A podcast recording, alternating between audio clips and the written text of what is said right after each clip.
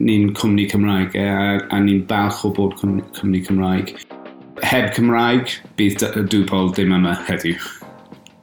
Fedri, fedri deud hwn yn cant y cant.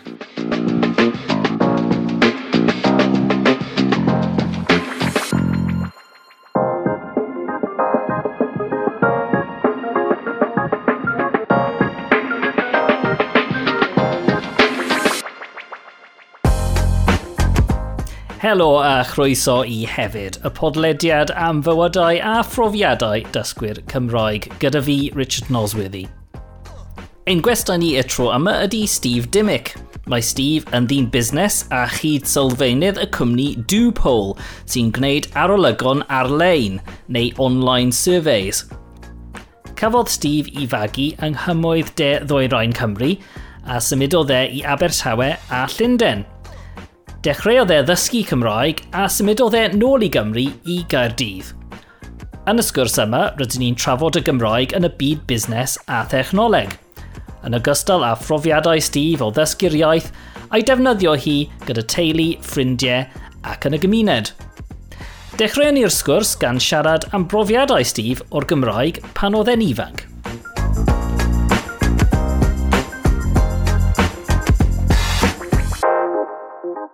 oedd o o gwmpas, achos nes i byw yn blaena, Uh, es i i ysgol yn Nant y Glo. Uh, oedd ffrindiau yn byw yn Coedcau a Cwm Celyn a Aptaleri a Cati, Ond ges i dim clem beth, you know, beth uh, yw uh, geiriau yn, uh, yn Saesneg. So nes i ddim yn dysgu Cymraeg o gwbl, dim un gair yn, yn ysgol. A um, nes i ddim yn nabod unrhyw un sy'n siarad Cymraeg ond oedd Cymraeg rownd fi um, bob dydd, ond uh, heb clem beth yw y geiriau. Ie, yeah, so roedd, mae blaenau e, i bobl sydd yn gwybod yn ynghymoedd de ddwy roi'n Cymru, ond ydy, a does dim llawer o Gymraeg, wel doedd dim llawer o Gymraeg yn cael ei siarad uh, yr amser yna. O, oes mwy o Gymraeg yno nawr na, nag oedd? Yn sicr, ie. Yeah. So mae um, Uh, mae nhw wedi weld y mantais o'r iaith ac uh, mae'n ysgolion wedi cael eu adeiladu, um, ysgolion llawn o um, blentyndod um, sy'n dysgu'r iaith. Uh, mae'n really pwysig am yr ardal, really. Mae'n, uh, os ti'n meddwl am gwasanaethau cyhoedd, um, lot mwy o pobl yn y cymoedd yn cael eu gwaith trwad uh, gwasanaethau cyhoedd. Um, a wrth gwrs, os ti'n gweithio um, i Llywodraeth Cymru neu un o um, uh, yn y maes yna, um, y, y mantais o siarad Cymraeg yn un rili really cryf, a ti fedru mynd bellach yn dy gyrfa trwy'r uh, siarad o. Felly ie, yeah, mae, mae di altro lot, ond pan nes i tyfu o'n dwi'n wedi cofio, dwi'n dwi cofio dau genod a oedden nhw fel rhyw quirky pobl gwahanol sy'n fedru siarad Cymraeg. Mae'n fel hudoliaeth ar yr amser. um, ond, ie, yeah, on, hwnna di e, dau pobl uh, e, yn union dwi'n dwi nabod, o wedi nabod pan oedd i tyfu fyny yeah. so pan oedd ti'n fach, dim ond cwpl o bobl oedd ti'n nabod oedd yn, yn siarad Cymraeg, a, a, a beth oedd, uh, beth oedd agweddau ti ag at y iaith, pam oedd e ddim yn yr ysgol er enghraifft, oedd, oedd unrhyw uh, syniad bydde hi wedi bod yn ddefnyddiol? I, i fod holl onest, oedd o ddim yn really rhywbeth nes i feddwl am.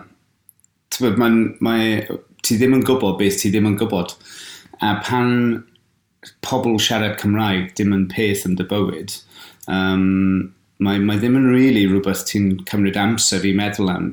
Um, uh, nes i ddim yn cael fel enghraifft, achos nes i ddim yn mynd i lleoliad gwahanol, nes i ddim yn cael pobl gofyn fi, oed ti'n siarad Cymraeg. So nes i, felly nes i ddim yn really meddwl am o fel iaith um, o gwbl. Uh, ta nes i, i byw yn Llundain yn hoerach yn fy mywyd yeah, so ar ôl i ti um, mynd i'r ysgol a nes ti adael blaenau, i ddechrau mynd i'r prifysgol a wedyn i, i Linden, oedd y Gymraeg yn, yn dod yn fwy amlwg yn dyfywyd yn, yn y dyddiau yna? Ie, yeah, so pan nes i Abertawe, dwi'n cofio um, mynd i'r llyfrgell yn prifysgol Abertawe gyda un o ffrindiau fi o um, y slawr fi yn, yn y uh, neuedd ar, ar, ar campus. Ac um, oeddwn ni just cael, oedd o cael diddordeb. Oedd o fel, you know, beth yw Cymraeg? Uh, sut mae o? So aethon i'r llyfrgell a tynnu allan rhyw llyfr gyda enghreifftiau o brawddegau ac ati.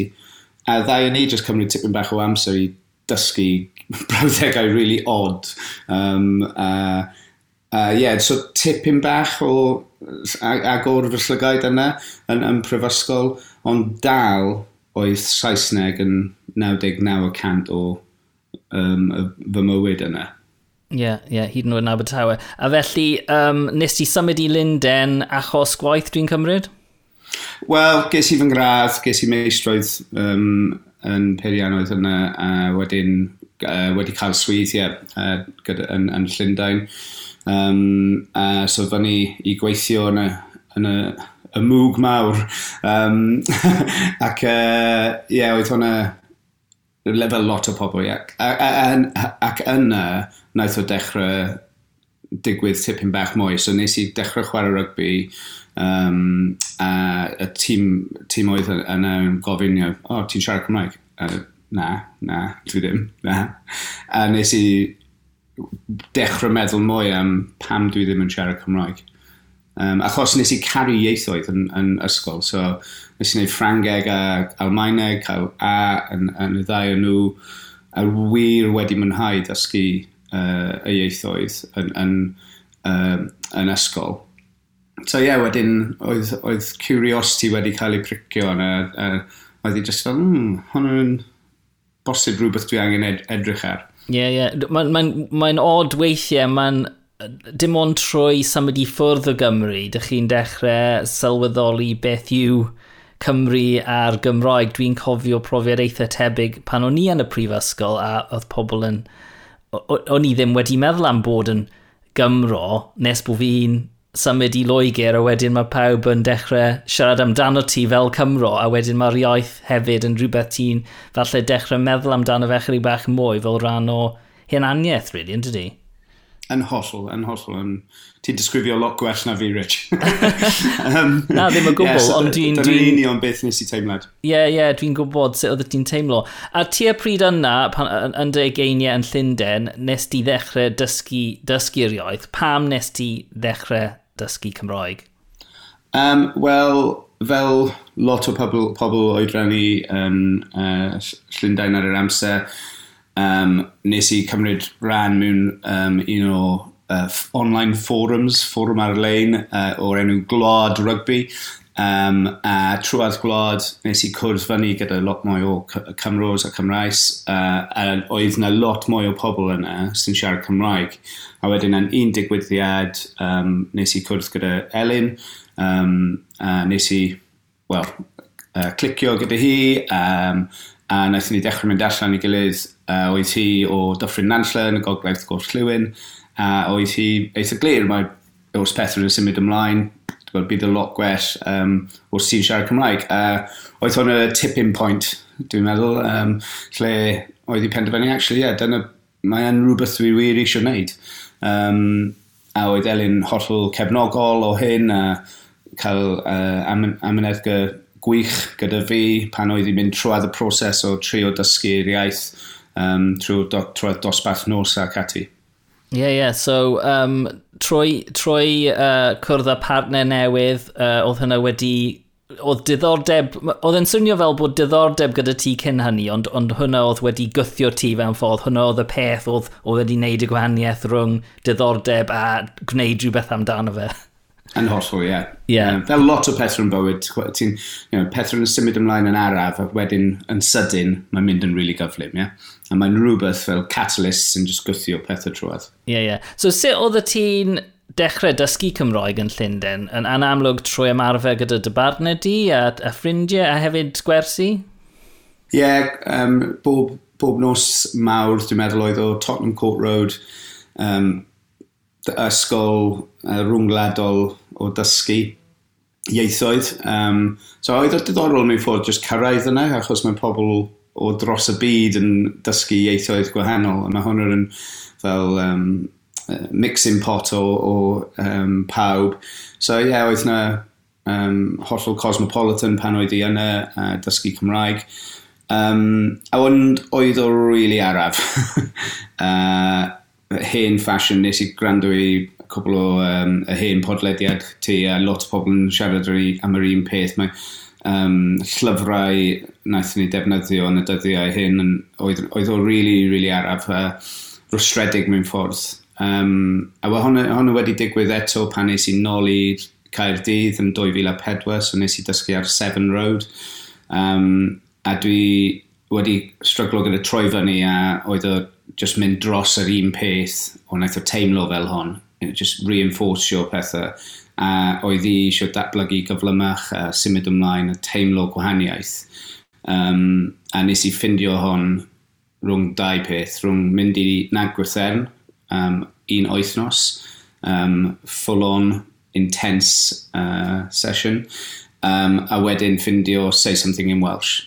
So, um, yr app yna uh, wedi trawsfformiad uh, sut, sut wedi dysgu ar, ar iaith. Ie, yeah, ie. Yeah. So, um, trwy, trwy wneud cwrs dwys a, a wneud Say Something in Welsh hefyd, uh, rwy ti wedi dod yn, yn rigol yn y Gymraeg. Um, sut, o ran y profiad o, o ddysgu, beth oedd y peth anodda uh, am dysgu Cymraeg i ti? Uh, ww, cwestiwn da. Um, yeah, dwi'n meddwl i bawb, i fi ac i bawb, mae'n yr ofyn. Ti'n ofyn am wneud camgymeriad ti'n ofyn am pobl chwerthin dros ti, ti'n ofyn am um, dim cael dy neges dros yn y ffwrdd ti isio. And yn y diwedd, beth sy'n darganfod yw mae ofyn di, the obstacle is the way. Mae ofyn yw y ffordd. Pan ti'n gwthio trwad yr ofyn, wedyn ti'n ti llwyddiant. Um, a dwi'n cofio'n iawn tri, oedd i trio o brawddeg, ond yn lle o mynd i A to B, oedd i'n mynd A, C, D, E, F, achos nes i ddim yn gwybod un gair yn y canol. A fel ti'n wedi clywed yn y sgwrs yma, dwi'n dal yn defnyddio Saesneg rhyw amser yn, yn fy uh, brawddegau. Um, a mae uh, geirfa fi dim yn gwych, ond dwi, yn, dwi ddim yn ofn dim mwy. Uh, dyna, dwi'n meddwl oedd hwn yr y peth anoddach yw just gwthio trwy yr ofn a, a deall ti ddim fedru bod perffaith syth bin. Ti angen mynd trwy y proses o gwella uh, dyfel donc y dir y garreg. Yeah? So mae'n tipyn bach, tipyn bach, tipyn bach, un y cant, un y cant, un y cant um, yn symud peth rhwng mlaen. Ie, yeah, ti hanner wedi ateb y cwestiwn yma yn barod dwi'n meddwl, ond o'n i'n mynd i ofyn os oes unrhyw, um, unrhyw tips o ran uh, taclo'r ofyn neu uh, unrhyw cyngor ar, uh, arall bydde ti'n rhoi i bobl eraill sy'n sy dysgu Cymraeg?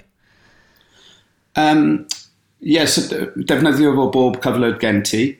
Uh, y peth mwyaf pwysig am hon yw hwnna ddim yn cyfru pan rhywun yn siarad i ti yn Gymraeg Felly, dwi'n mynd am dro neu seiclo bob dydd, a bore da yw beth dwi'n deud bob tro. A mae'n anodd i mynd mewn i hon, achos mae'n morning, morning, morning. Ond os ti'n deud bore da, diolch drive pan ti'n mynd off y bws. Just normaleiddio Cymraeg yn dy iaith, um, yn dy bywyd, sorry, um, yn ffordd really da i just cael rhywun dod nôl a dweud, o, oh, dim problem, um, o ti eisiau siwgr gyda dy coffi? yn sydyn ti'n dechrau cael sgwrs gyda rhywun yn Starbucks neu rhywbeth. Um, achos mae lot mwy o pobl fedru siarad Cymraeg na ti'n dallt. Um, a dwi'n clywed hon lot gan dysgwyr lle, o, oh, doedd gen i neb i siarad gyda. A mae gen i parch enfawr i unrhyw un sydd ddim yn cael um, teulu neu blant mynd i ysgol Cymraeg. A mae nhw, mae gen i ffrind yn Gaerdydd yn Rath, Andrew Foley, a mae fe wedi dysgu a mae, mae arbennig am textio fi ar WhatsApp yn Gymraeg bob tro. Um, a, a ie, yeah, mae hwnna'n mor impresif i fi. Um, pobl sy'n ffindio cyfle, bob, bob uh, cyfle gen nhw i defnyddio Cymraeg. So bydd hwnna tip i, i just... Mae pobl yn deud o fel efo, dechrau bob brawddeg, dechrau bob sgwrs yn Gymraeg. A mae'n rili really anodd i wneud, ond mae'n hollol werth o Mae'n hollol werthfawr achos byddwch chi'n teimlo mor balch pan, pan mae'n digwydd a wedyn ti'n llwyddiant yn y sgwrs. A hyd yn oed os, os ti ddim yn llwyddiant, mae'n dal rhywbeth da. Um, beth arall?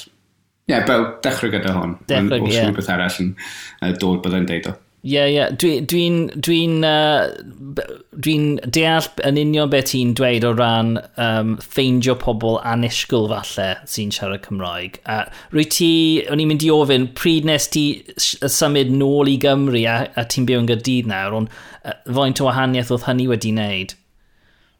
Wel, y byd, really. Mae'n, dwi'n meddwl, yn, yn Llundain oedd o rhyw, you know, bob nos mawrth a wedyn rhyw amser gyda um, Elin pan oedd, oeddwn ni siarad adre. Um, yma, mae, mae, literally, mae fedru digwydd un rhywle. Ie. Yn, yn arbennig yn, yn gair dydd. Ie. Felly os dwi'n mynd nôl i blaenau, bydd hwn yn gwahanol. Ond byddai'n dal yn trio wneud, dwi'n dal actually wneud o nawr pan dwi'n mynd i weld fy mam neu fy mrawd yn blaenau. Dwi'n mynd mewn i'r co-op i prynu um, botl o wyn neu rhywbeth iddi hi. A mae'n diolch yn fawr i'r pobl yn y co-op, a, a mae hwnna, dwi'n balch dwi'n neud hwnna, a bosib mae'n neud dim gwahaniaeth o gwbl, ond on bosib mae yn, a dyna beth dwi'n hoffi credu mewn yw, mae person yna yn, mae clicio diddordeb nhw, bosib nhw wedi meddwl am dysgu Cymraeg. Um, a tro nesaf dwi'n mynd, bosib nhw fedru ateb fi. Ie. Yeah, mae ma hwn yn rili really cyffroes i meddwl am o fel hwn.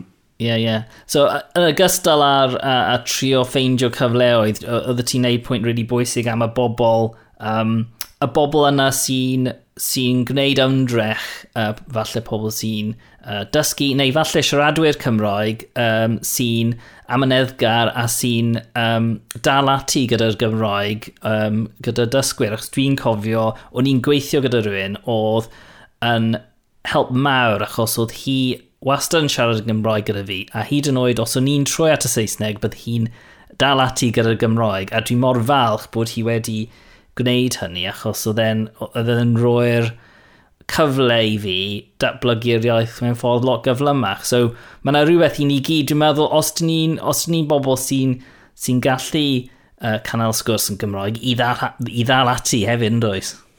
Yn hollol. Um, a, a dwi, mae'n bai ar fi, achos rhyw amser os dwi'n mynd bris, dwi'n ateb Andrew yn Saesneg. Uh, achos dyna'r iaith ni wedi defnyddio dros y chwata canrif diwetha.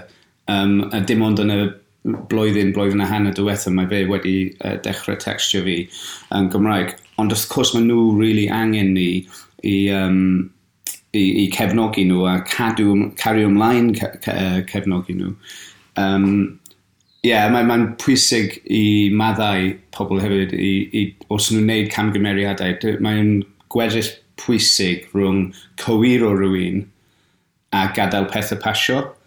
A dwi'n siŵr pobl yn gwrando i hon a cyf, ti fedru cyfru canoedd o camgymeriadau dwi wedi wneud, ond mae'n mae, pwysig pan ti'n siarad gyda rhywun i just asesu lle mae nhw yn ei taith nhw yn dysgu Cymraeg. A os ti'n cywiro nhw bob brawddeg, mae hwnna ddim yn helpu.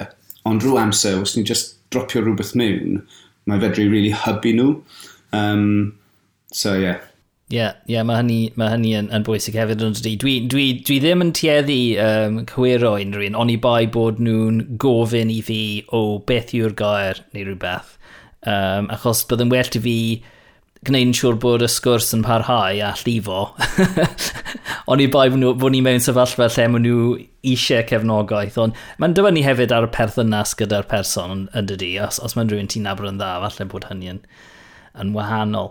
Um, o'n i'n mynd i uh, ofyn ychydig bach hefyd am dy waith di, achos rwy ti uh, gyda partner busnes dwi'n deall, um, rwy ti wedi sefydlu cwmni o'r enw Dupol, uh, a dyna, dyna yw dy waith di. Dweud ychydig bach am y gwaith wyt ti'n neud ar cwmni a sut mae'r Gymraeg yn ffitio mewn i hynny?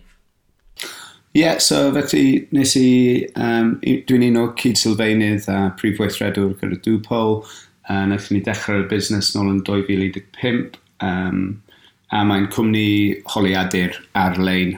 Um, o'r ochr Cymraeg, mae Cymraeg wedi bod allweddol. Oeddwn ni penderfynol o dydd i ni cael platfform amlieithog um, a oedd o Cymraeg a Saesneg o'r dechrau, wedyn wnaethon ni pleddu mewn Ffrangeg a Sbaeneg hefyd, um, ieithoedd dwi'n cyfwrthus gyda hefyd.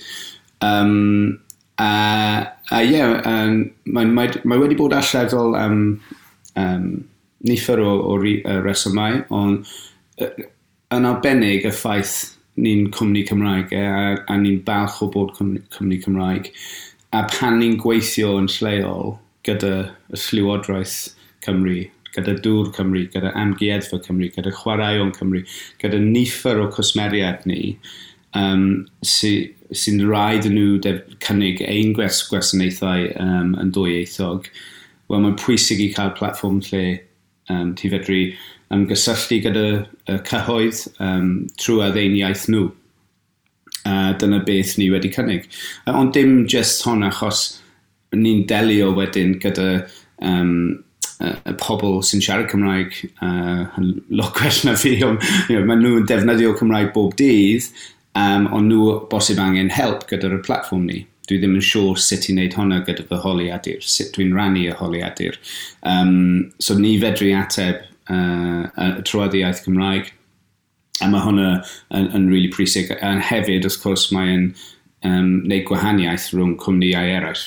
Ie, yeah, ie. Yeah. So mae'n ma, agor dros y newydd yn dydi i, i ddefnyddio, ddefnyddio'r Gymraeg yn dy gwmni, achos nid pob cwmni sy'n cynnig hynny. Wrth gwrs, ie. Yeah. A ni'n cystadlu erbyn cwmni fel SurveyMonkey, neu Smart Survey, neu Snap Surveys, a miloedd o, o um, cynnig eraill. Ond does neb rili really arall sy'n fedru cynnig beth ni'n cyfnig o cefnogaeth. Um, a gweithdi, a, a grwpiau ffocus, a um, cyflwyno hefyd. Ni, ni, dwi wedi cyflwyno dŵpol o flaen uh, miloedd o pobl uh, trwy'r Cymraeg ac, Saesneg. Um, yeah, so heb Cymraeg, bydd Dwpol ddim yma heddiw. Wow, wow. Fedri, fedri deud hwn yn cant y cant. Ie, yeah, a ti yn gweithio yn y byd um, y, y, y maes um, cyfathrebu a, a thechnoleg. Um, beth wyt ti'n meddwl am y, y byd technoleg a'r Gymraeg erbyn hyn? Ydy hi'n hawdd i bobl defnyddio'r Gymraeg ar-lein neu uh, ar y cyfrifiadur? Ie, yeah, yn hollol. Um, mae'n mynd mwy a mwy hawdd. Oedd i siarad gyda uh, rhywun ddoe am y ffordd dwi'n dwi, dwi gyrru, wel, dwi'n yn gyrru nawr, dwi'n dim ond seiclo, ond uh, oedd i gyrru y car defnyddio Waze, uh, so, sy'n cwmni, um, mae Google yn uh, perchyn o, a maen nhw'n cynnig directions uh, cyfeiriadau trwy'r iaith Cymraeg. Um, a mae, mae hwnna yn rhywbeth i fi sy'n newid dros y degawd diwethaf, lle oedd na cynnig o defnyddio dy browser um, yn, yn Gymraeg, a Word yn Gymraeg, neu Excel, neu beth bynnag. Ond i defnyddio stwff sain yn rili really diddorol, a mae hwnna'n datblygiad um, diddorol. Dwi'n meddwl edrych i'r dyfodol gyda mwy o mwy gwaith AI digwydd, mwy o mwy um, machine learning. Um, bydd o dim ond yn dod trwad mwy a mwy gyflym. Um, a, a mae hwnnw'n rili really cyffroes. Ie, yeah. wyt ti'n meddwl bod yna perig bydd y, y Gymraeg yn, yn, yn, yn cael ei adael a, a, a, ar ôl um, gan y, y symudiadau yma? Na, dim o gwbl. Um, dwi'n meddwl y, y gyferbyn o hyn, da ni weld mwy a mwy ieithoedd fach yn cael ei gynnwys. Achos um, y gwaith i gynnwys rhywbeth, pan ti'n creu rhywbeth aml ieithog, dim yn really anodd iawn. Um, felly mae'n agor y drysau i, i cynnig bob iaith. Um, yeah, so dwi'n meddwl dros y degawd nesaf, da, da ni weld um, set-up lle ti fedru defnyddio unrhyw app ti isio, really, trwad unrhyw iaith ti isio. A mae hwnna ddim yn far-fetched neu uh, stretch mawr. Ie, yeah. oes, oes, na, oes na angen i um, defnyddwyr uh, gwneud rhywbeth fan hyn? Dwi'n meddwl am, uh, er enghraifft, dwi wedi bod yn trio um, setio fyny uh, gwir, gwirio sillafu ar fy cyfrifiadur yn Gymraeg. Mae wedi bod yn tipyn o uh, her, um, ond wedi dweud hynny, dwi wedi dewis Cymroeg ar gêm cyfrifiadur ar y, ar y Switch yn ddiweddar, mae ma radio fi um, hefyd, mae'r ryngwyneb ar, ar hynny ar gael yn Gymroeg, ond oedd roed i fi wneud y dewis, oedd, oedd, oedd Cymroeg ddim yn default ar, ar, ar yr apiau yma, dyna, falle dyna mae hwnna yn rhywbeth i, i ni ystyried. Ie, yeah, ryngwyneb, Rich. Gair da, hoffi hon. um, uh, yeah, felly, yn meddwl am y, y dyfodol, os ti'n, uh, dwi'n siŵr mae lot o pobl yn siarad am, o, I talked, uh, nes i siarad am rhywbeth yn gynna, a nawr mae hysbysebion yn dod fyny ar Facebook am o. Um, nes i siarad am eidal, a mae gwyliau ar ei eidal yn dod fyny. Wel, ie, yeah, mae peirianaidd yn, yn grando trwy'r amser. Bosib mae hwn yn rhywbeth lle peirianoedd os ti'n prynu rhywbeth gan Google, pan ti'n agor o, uh, syth bin bydd o gwybod mae iaith Cymraeg yw dywys ti.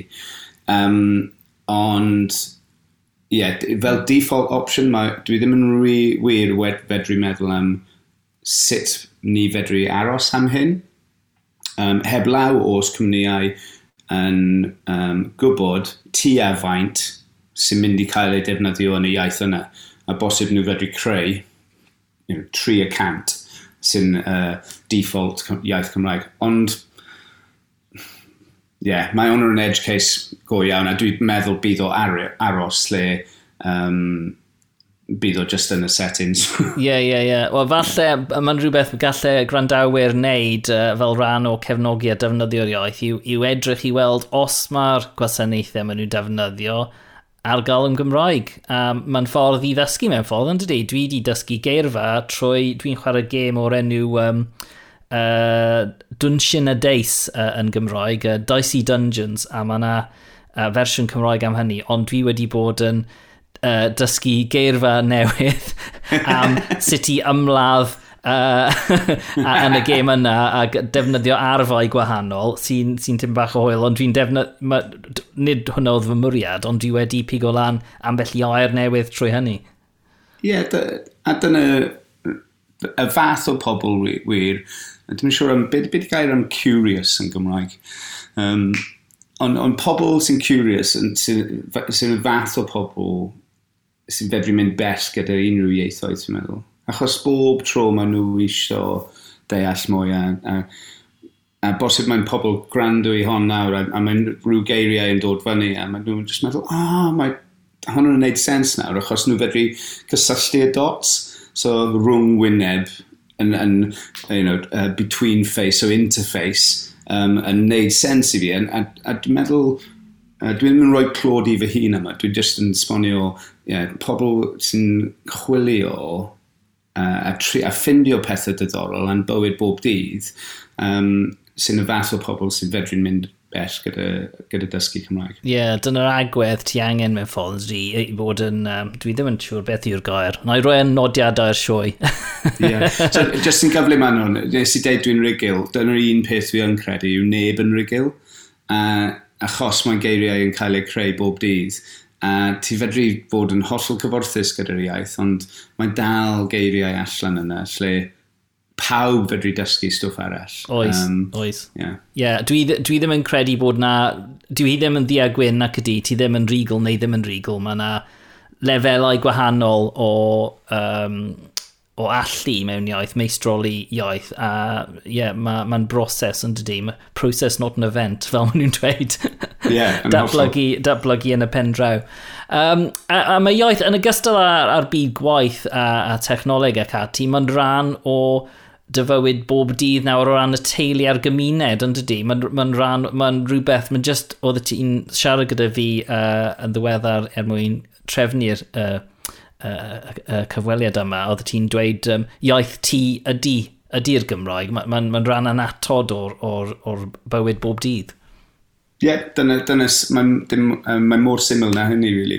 Mae, mae yn fy iaith, a dwi yn Saes, siarad Saesneg hefyd, a um, mae'n diddorol, dwi'n gwell ar, ar Saesneg, ond Cymraeg yw fy iaith, a dyna sut dwi'n meddwl am o, dyna sut mae blant yn meddwl am o hefyd. Um, uh, A ie, yeah, fel dwi'n dweud, pan dwi'n siarad gyda unrhyw un bob dydd, os mae rhywun yn coffee shop neu un o cymdogion ni, um, mae Cymraeg yw lle dwi'n dechrau. Ac, um, yeah, a, a long may it continue. um, so ie, yeah, mae'n mae, mae agwedd uh, am y peth. A mae, dim yn siŵr um, pan naeth hwnna digwydd. Ti'n gwybod pan ti'n symud o un i'r llath, Ond um, does dim event, does dim un moment, ond dros y mlynyddoedd, dwi, dwi jyst wedi symud dros. Mm, mm. A, a rwy ti wedi magu'r plant yn Gymraeg, a you know, oedd ti'n dweud Cymraeg ti'n siarad yn ti hefyd?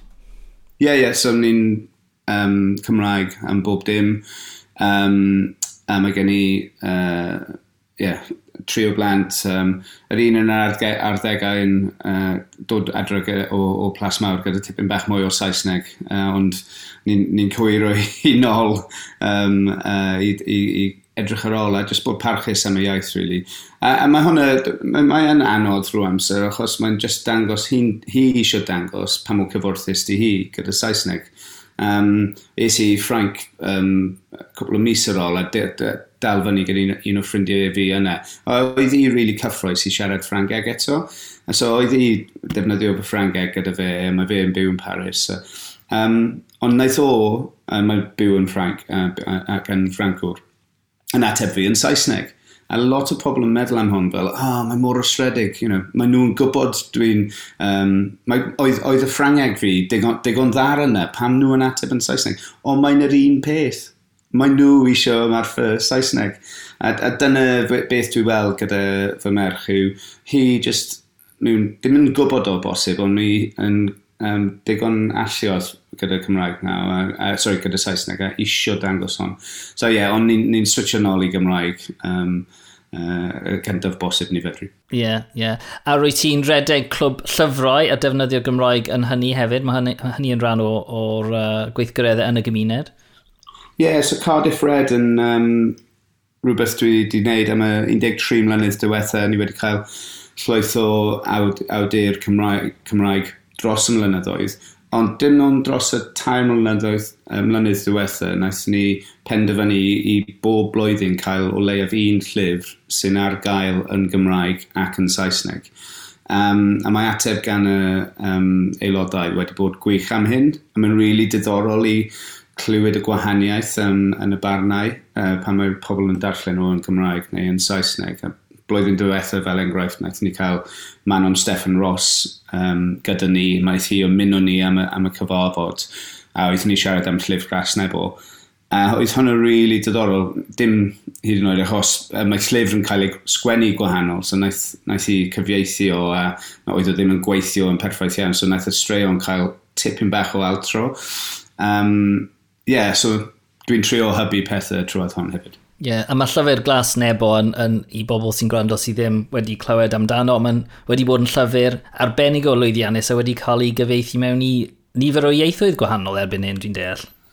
Ie, yeah, dilyn, dilyn man o'r Steffan Ross, mae'n teimlo fel bob oethnos, yn, well na, bob mis mae hi yn rannu o rhyw iaith arall. Si weld, weld o'n Catalenaidd uh, cwbl o, um, cwbl o, cwbl o misoedd ar ôl Um, yeah, so, ond mae'n heiddi o hefyd, achos mae'n just brydferth uh, powerus fel llyfr. Ie, yeah, ie, yeah, ie. Yeah. So, um, oedd edrych yn ôl, faint o wahaniaeth mae'r Gymraeg wedi wneud i dy fywyd di? Pe, pe, pe tas y ti ddim wedi dysgu Cymraeg, pa mor wahanol bydde pethau wedi bod i ti? Um, yeah, so mae'n anodd, really, i deud dim cweith faint, achos mae'n mor fawr. A dwi jyst meddwl am fy, bywyd, fy mywyd i heb Cymraeg. A mae'n jyst teimlo lot llai. Dyna'r peth byddwn dweud mwy neu unrhyw beth arall. Mae'n jyst agor mwy o drosau. Um, a dwi wedi cael gymaint o cyfleoedd i cwrdd gymaint o pobl i weld gymaint o sioiau a, a pethau tyledu, i i gymaint o cyddoriaeth gwahanol a just cael bywyd mwy llawn, mwy fawr. Um, uh, A dyna beth byddai'n angen i unrhyw un sy'n gwrando i hon yw pan ti'n cyrraedd at y tipping point yna, pan ti'n heibio dros yr ofyn a gwythio ymlaen a uh, mewn i, i uh, y dyfodol dy bywyd gyda Gymraeg fel rhan mawr o fo, mae hyn bywyd lot fwy ac um, a mae hwn yn rhywbeth i dathlu. Gwych. O ran y dyfodol, beth wyt ti'n meddwl am dyfodol y iaith? Yd, ydy hi'n edrych yn bositif oes, oes pethau ni angen wneud? Ydy, ydy dysgwyr yn, yn, ran, yn ran bwysig o hynny? Ie, yeah, mae um, band fi yw uh, am, am Cymraeg, oedd i feddwl tipyn am hyn um, dros o wythnosau diwethaf. Mae, mae gen i ni climate emergency mynd yma. Yeah, mae'n... Uh, a, a mae dyfodol um, y climate, yn, yn, dim, yn pen, uh, dim yn dibynnu ar arbenigwyr climate, mae'n dibynnu ar pawb yn y byd stopio defnyddio ein ceir, stopio defnyddio glo a fossil fuels ac ati. A pa, mae'n paralel yna gyda Cymraeg. Mae dyfodol y Cymraeg yn dibynnu ar pawb yn arbennig yn Gymru i cefnogi Cymraeg a, a hybu fo a defnyddio fo a annog pobl i, i defnyddio fo. Felly dwi yn, dwi yn positif iawn am, am y dyfodol a yeah, dwi'n meddwl miliwn o siaradwyr yn hollol um, doable. Um, ni, ni gallu wneud hon yn sicr. Ond, ie, yeah, dwi'n edrych ymlaen i weld um, fi fel taid yn Cymru lle mae rhan fwy o pobl yn siarad Cymraeg. A, a mae hwnna di y fath o um, uchelgais ni angen cael. Dim i just gwthio fo fyny 1 y cant neu 2 y cant i cyrraedd yn lle lle rhan fwyaf o pobl yn Gymru yn siarad Cymraeg. Um, a bydd hwnna, wel, bydd hwnna, dim stopio ni ar ôl hynny. Steve, diolch yn fawr am siarad gyda fi. Oedd yn hynod o ddiddorol a poblwc gyda'r Gymraeg a, a phob peth ti'n neud. Diolch i ti, Rich, a llongfachiadau clod mawr i ti am, am hefyd. Mae'n podlediad gwych. O, oh, diolch yn fawr.